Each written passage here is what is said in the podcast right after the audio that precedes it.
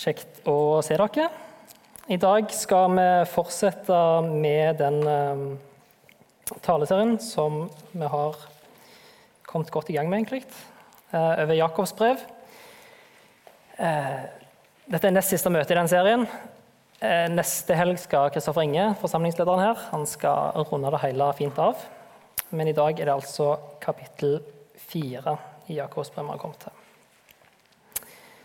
Jeg skal begynne med å lese det. Og sånn Til forandringen sjøl tenker jeg vi kan eh, reise oss mens jeg leser det.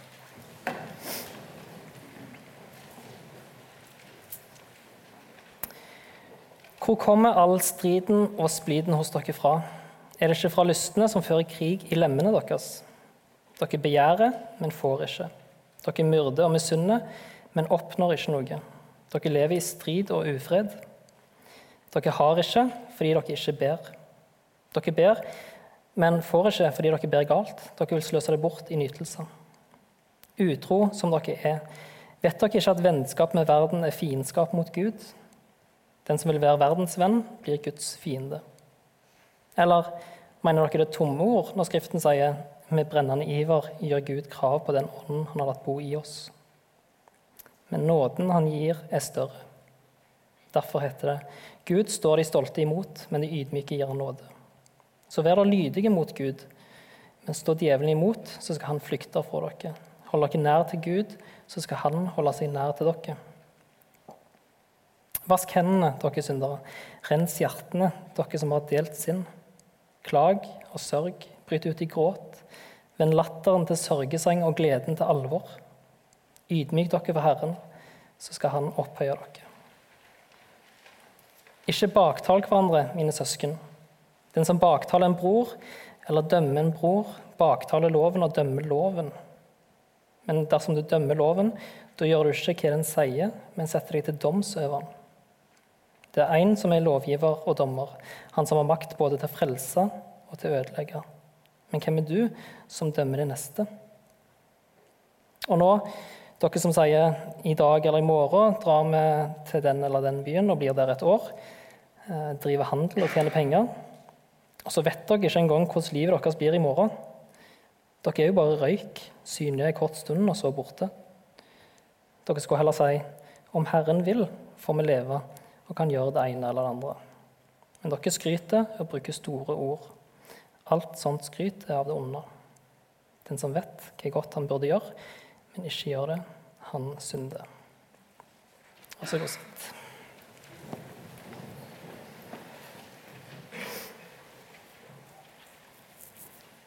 Kjære far, takk for en ny lørdag. Takk for et nytt møte med deg. Jeg ber om at du må åpne dette ordet for oss. At du må tale til oss. I ditt navn, Jesus. Amen. Jakobs brev er litt interessant eh, i forhold til de andre brevene i Nytestamentet. For Jakobs brev det er liksom ikke skrevet til en konkret menighet. Det er skrevet til kristne. Eh, og Det får vi litt, eh, litt innblikk i her, for det kommer litt sånn formaninger som går til, til kristne generelt sett, hvordan vi oppfører oss mot hverandre. Ehm, han peker på at det er, det er strid, det er splid, altså det er krangler, uenigheter blant de kristne eh, som ikke tjener til noe godt. De begjærer, Eh, de myrder og misunner. Kanskje ikke myrder sånn i bokstavelig forstand, men Jesus sier det i bergpreken at den som er sint på sin bror, bryter budet 'du skal ikke slå i hjel'. Kanskje det er det som det mer siktes til i denne krangelen. da. Og I tillegg så står det at de, de har ikke fordi de ikke ber. Og de ber, men får ikke fordi de ber galt. De vil sløse det bort i nytelser. Hos hedningene på den tida var, det, var dette òg noe kjent fenomen. Det var typisk at en ba. De ba òg, men de, de, ba til en avgud. Eh, og det, de, de, ba med et sånn mindset at eh, Herre Gud, nå, eller avgud, nå gir jeg noe til deg, og så forventer jeg at du gir noe tilbake til meg. Det var en slags byttehandel som lå til grunn for deres bønner. Eh, ofte så var det også i tillegg knytta til, til, moralske utskeielser eh, osv. Men jeg tenker kanskje er det ikke så voldsomt annerledes hos de kristne heller. Altså, De har ikke fordi de ikke ber. Er ikke det litt sånn typisk, egentlig? Jeg, jeg, tror, jeg tror ikke at vi er klar over hvor mye makt der er i bønn. Det ble nevnt i, i talen som Solveig hadde på Høstviken. Eh, dette med at det er så lett at vi prøver å fikse ting sjøl først, før vi ber. Um, I Matteus kapittel 7, vers 7-8 så står det Be, så skal dere få. Let, så skal dere finne. Bank på, så skal det lukkes opp for dere. For den som ber, han får, og den som leter, han finner. Og den som banker på, skal det lukkes opp for. De har ikke fordi de ikke ber. Så konklusjonen på det første punktet er jo da egentlig be, så skal dere få. Som vi finner i bergpreken. Og det andre punktet her kommer nesten som en slags innvending fra noen som det virker nesten som om de akkurat har lest det som Jakob har skrevet her. At, eh, og så kommer de med innvendingen jo, men, men vi ber jo. Og så fortsetter Jakob da. De som ber, men de får ikke fordi de ber galt. De vil sløse det bort i nytelser. Bønnen til Gud har blitt som en slags brusautomat så du putter penger på, trykker på knappen, og så får du den colaen du vil ha. Det er på en måte den tanken de har enda opp med. De har gjort Gud til en brusautomat, der bønnene er sentrert rundt det jeg vil ha. Nytelse eller ja, fordeler. Og jeg tror dette er lett for oss òg å havne i. At når vi ber, så, så, er, så er, det først fordi at vi har havnet i en eller annen klinsj eller et eller annet sånn problem som vi gjerne vil ut av. Ehm, en eksamen som vi venter på, f.eks. At vi ber om jordiske ting. Ehm, og dette er ikke galt. Det står at vi skal få lov til å kaste alle våre bekymringer alle våre bekymringer på Gud. For han har omsorg for oss. 1. Peter 5,7. Men, men det er mer til bønn enn bare det. Gud har større tanker enn det vi kan komme på å be om. Og Derfor syns jeg at Fader vår, eller Vår Far, som heter nå, er en så fin bønn. Ehm, det er ikke en bønn om bare jordiske ting. Jo, han tar for seg dette med at vi ber om daglig brød. Altså at vi eh, ber om at Gud må forsørge oss til det vi trenger for hver dag. Men det er òg en bønn om at Guds navn må helliges i våre liv og i vårt samfunn, i vår verden. At Hans rike må komme, at Hans vilje må skje.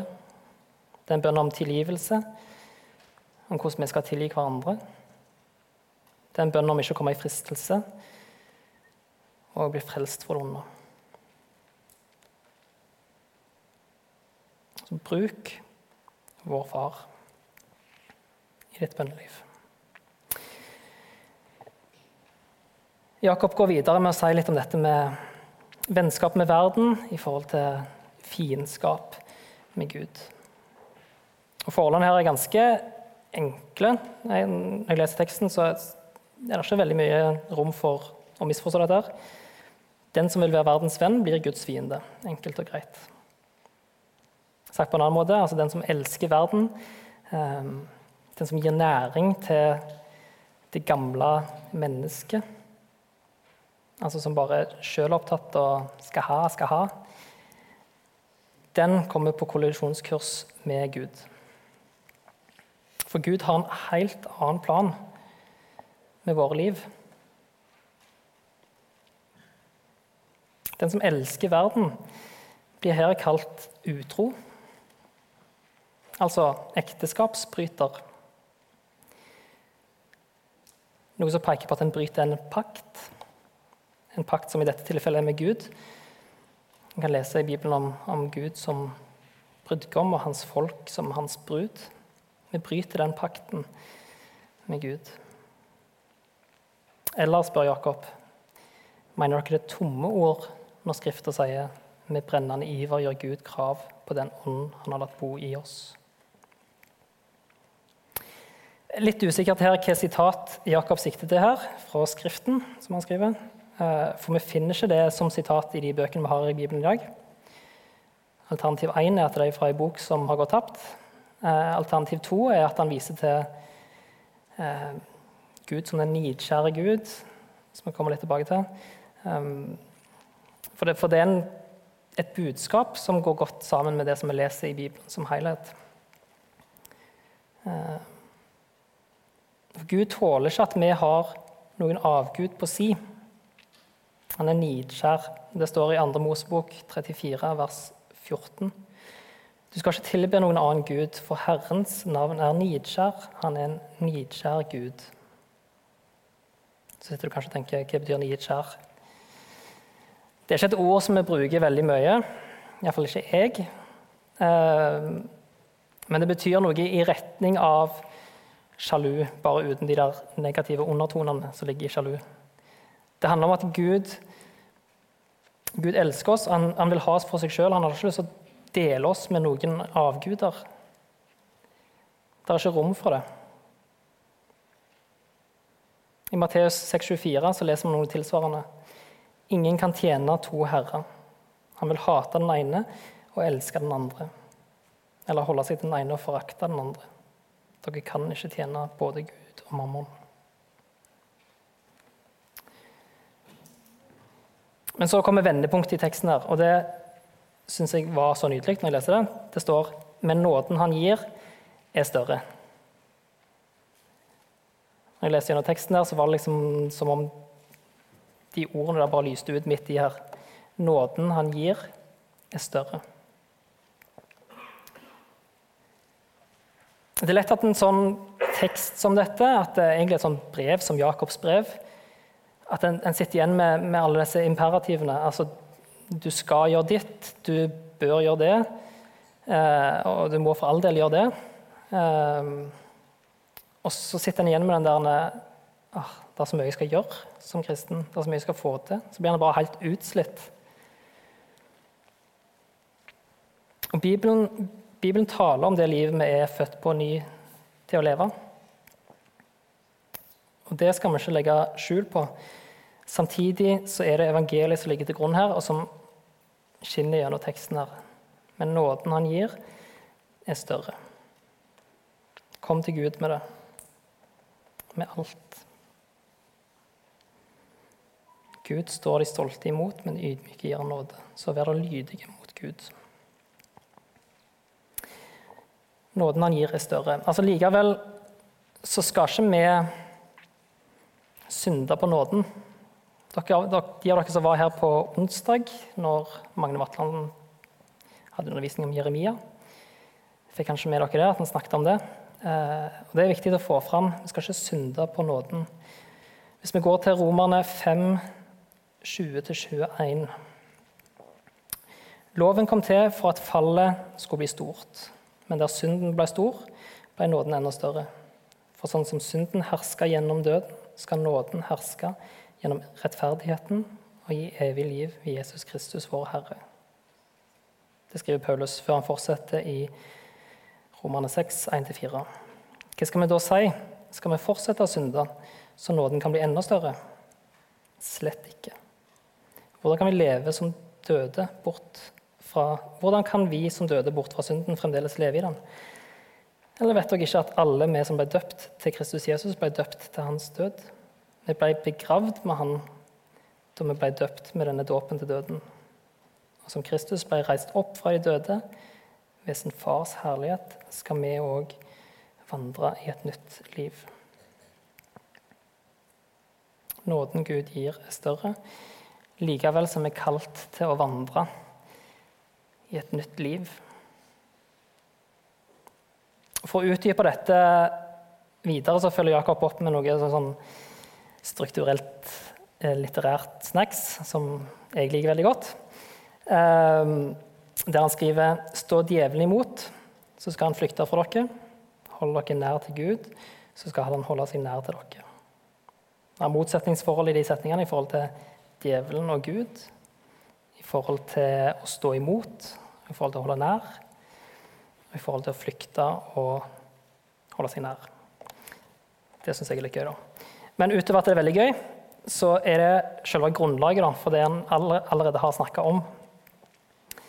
Nåden han gir, er større, men vi skal ikke synde på nåden. Derfor skal vi stå djevelen imot og holde oss nær til Gud. Da vil djevelen flykte, og Gud vil holde seg nær oss.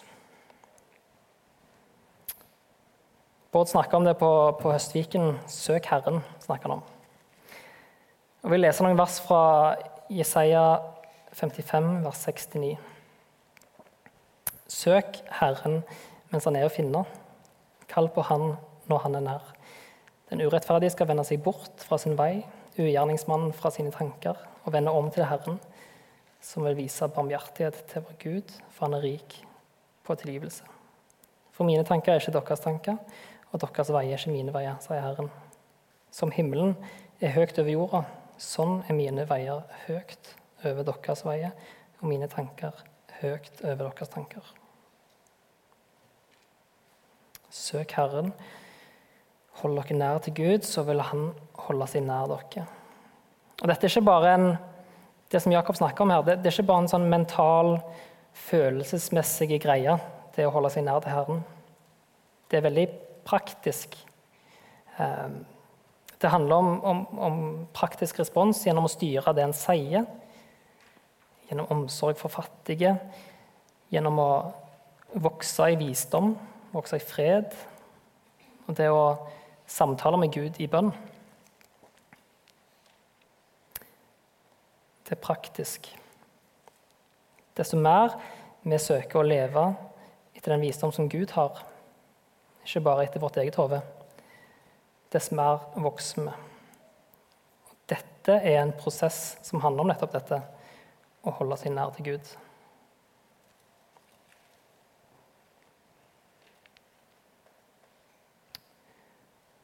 Og Det henger egentlig veldig nøye sammen med den omvendelsen som, som Jakob fortsetter å snakke om her.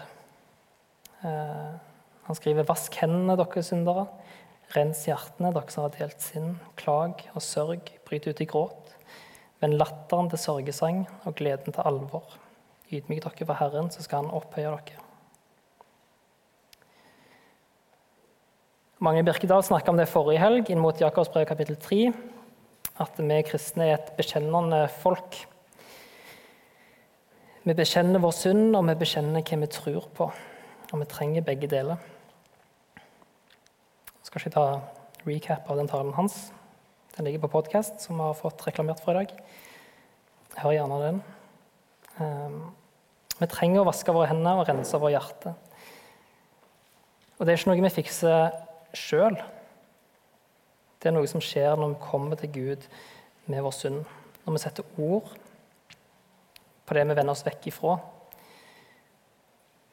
Og på samme måte har vi en trosbekjennelse som ikke bare er, det er ikke bare tomme ord. Men det er en viktig bekjennelse der vi setter ord på det vi tror på, det vi venner oss til. Trosbekjennelsen skal vi ta senere under nattverden. Men jeg tenkte vi kunne ta Jakobs ord ut i praksis med en gang her og nå, og lese synsbekjennelsen sammen. Da kan vi reise oss.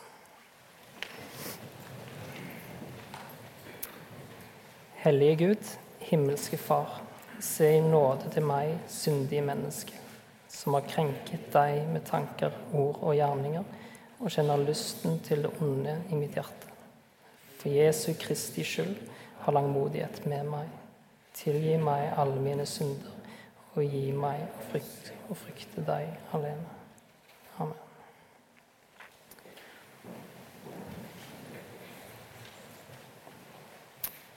Både Fader vår, synsbekjennelsen og trosbekjennelsen er bekjennelser og bønner som vi fint kan ta inn i vårt eget bønneliv. Det har en funksjon at dette er bekjennelser som vi gjør som fellesskap. Likevel så kan det være fint å, å ta med i lønnkammer. Eh, Sjøl bruker jeg ofte Fader vår. Jeg syns det er fint å ha Ikke alltid en vet helt hva en skal be om, kanskje. Da er det godt å ha noen sånne å komme tilbake til, som hjelper deg å sette ord på bønner. Ja, og det er en hjelp til å finne bønner som er sentrale, og som ikke bare går på det at en skal få nytelse eller til egen vinning. Videre tar Jakob for seg baktalelse, dette med ord og ordbruk. Eh, hvordan en bruker stemmen sin, det er noe som har gått igjen mye i Jakobs brev, særlig i kapittel 3, som var forrige helg. Eh, så jeg skal ikke ta mye om det. Men jeg vil plukke fram et viktig moment her, og det er det som han skriver i vers 11. Den som baktaler en bror eller dømmer en bror, baktaler loven og dømmer loven. Men dersom du dømmer loven, da gjør du ikke hva den sier, men setter deg til doms over den. Det som han trekker fram der, er på en måte en slags definisjon på hva synd er, i bunn og grunn. Det å sette seg sjøl over den loven som Gud har sagt, og si at eh, 'jeg vet bedre', det er synd. Det er ikke vi som skal ha den rollen og sette oss til doms over loven. For det er i vers 12 det er én som er lovgiver og dommer, han som har makt både til å frelse og til å ødelegge. Så i denne settingen, nå, hvem, hvem er med til å dømme vår neste? Det er ikke noe vi skal gjøre. Ved å baktale så dømmer vi i praksis vår neste. Ord er ikke tomme, ord er ikke noe som eksisterer eller kommer ut i et vakuum ord har en virkning. Det skal vi gjøre oss bevisst, og derfor så er det ikke likegyldig om vi baktaler eller ikke. Det er ikke bare en sånn liten ting.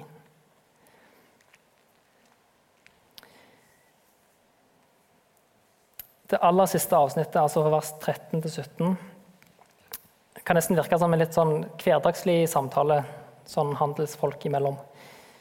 En som planlegger sitt liv uavhengig av Gud, Eh, kanskje en handelsmann. Fremst i hans tanke er å reise til en spesifikk by og være der et år og drive litt handel og tjene litt penger. Eh, kanskje har han eh, gjort de valgene basert på hva som er positivt for hans helse i forhold til reisevei og sånne ting. I forhold til hvor en kan tjene mest penger, hvilken by det er trygt å være i for tida. En kan se for seg mye utover, utover det som er skrevet. Men det virker kanskje litt fjernt for oss, sånn som det er skrevet her, å reise til den og den byen og bli der et år og tjene litt penger. Det er kanskje ikke sånn vi tenker i dag, at vi er omreisende handelsmenn i en liten karavane med 100 kameler og 200-300 muldyr. Men jeg tror Ser en bort fra kamillene og muldyra, så er, er, det noe som er relevant for oss i dag òg. Det handler om det mindsettet som ligger til grunn for de valgene vi gjør da, i livet. Enten det, er, det, handler om så store ting som flytting og jobb, eller det handler om mer hverdagslige ting der du er akkurat nå. For vi har blitt ganske gode på å planlegge ting. Iallfall mange av oss. Kanskje har vi blitt så gode at vi tenker først sjøl. Tenker at vi kan planlegge og styre på uten å først sjekke med Gud. Og Kanskje har vi blitt veldig gode på å be om velsignelse over de planene vi allerede har lagt. At uh, Gud, nå har jeg lagt en femårsplan her, kan du velsigne den?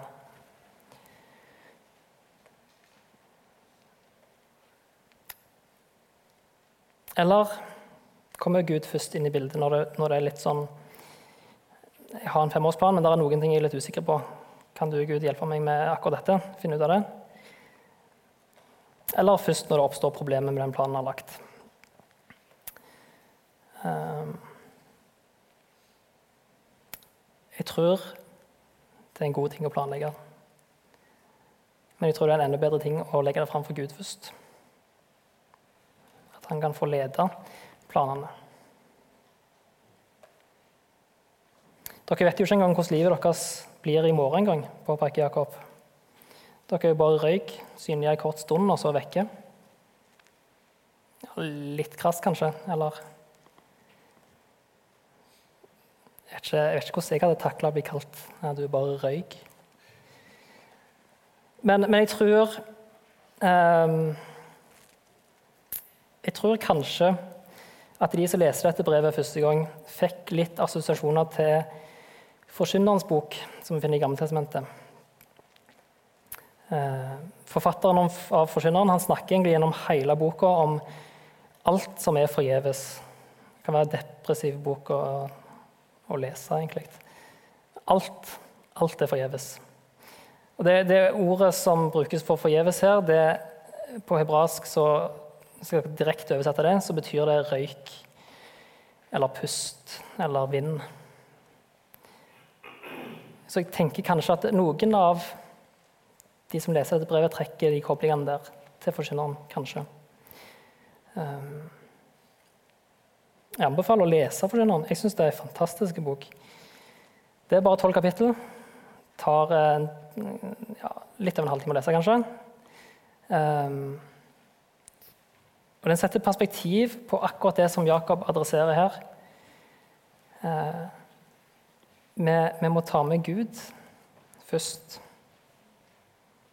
Vi kan planlegge så mye vi vil, men, men uten Gud så, så forgjeves. Begynne å se hvilke planer Gud har for oss. At han kan lede oss i ferdiglagte gjerninger. Å styre kun på egne planer er som å gjete vinden, skriver han forfatteren av Forkynneren. Og jeg har minimalt, dvs. Si ingen, erfaring med å gjete sauer. Men jeg tror jeg skjønner bildet likevel. Å gjete vinden, det, det, er ganske forgjeves. Jeg kommer, kommer ikke så veldig langt med det. Det som Jakob presenterer her som alternativ, er noe helt annerledes. Han presenterer ei tru som tar hver dag som en gave fra Gud. Et liv der Gud ikke eksisterer for å se til at alle våre planer blir gjennomført, eh, men heller et liv der Gud har en plan for oss, en plan som vi skal få gå inn i. Det handler om å legge våre dager og livet vårt i Guds hender, tjeneste og til ære for Ham.